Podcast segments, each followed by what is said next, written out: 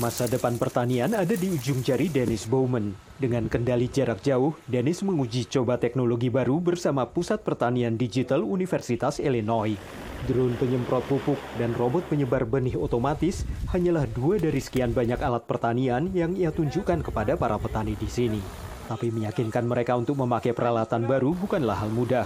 There is concern about the technology and there's a lot of interest uh, if you can show that it satisfies a need bagi petani Illinois Brian Corkel yang mengoperasikan pertaniannya sendiri atau memakai tenaga kerja yang sebagian besar keluarganya, kebutuhannya jelas.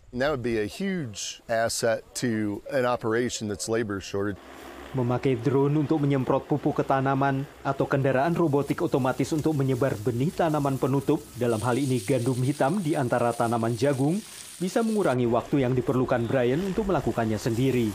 Meski menjanjikan, tapi Brian belum memakai teknologi ini. Some of it is the cost, even though it's autonomous, you still have to have someone that's monitoring it. Namun menurut Dennis, mengintegrasikan teknologi otonom dengan kecerdasan buatan yang sedang berkembang bisa menjadi kunci untuk memenangkan hati para petani. And so one of the promises of AI is uh, smarter systems that can help analyze this data so we can make better decisions.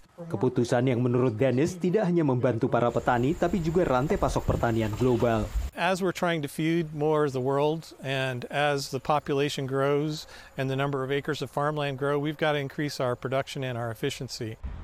Nilai pasar peralatan pertanian otonom global saat ini mencapai sekitar 100 miliar dolar lebih dan terus berkembang. Dengan Amerika Serikat mencakup sekitar 30 persen dari permintaan itu. Dan ini diperkirakan akan terus tumbuh sangat pesat dalam lima tahun ke depan, seiring semakin banyaknya petani yang mengadopsi teknologi baru. Dari Arlington, Virginia, saya Helmi Yohanes dan tim VOA.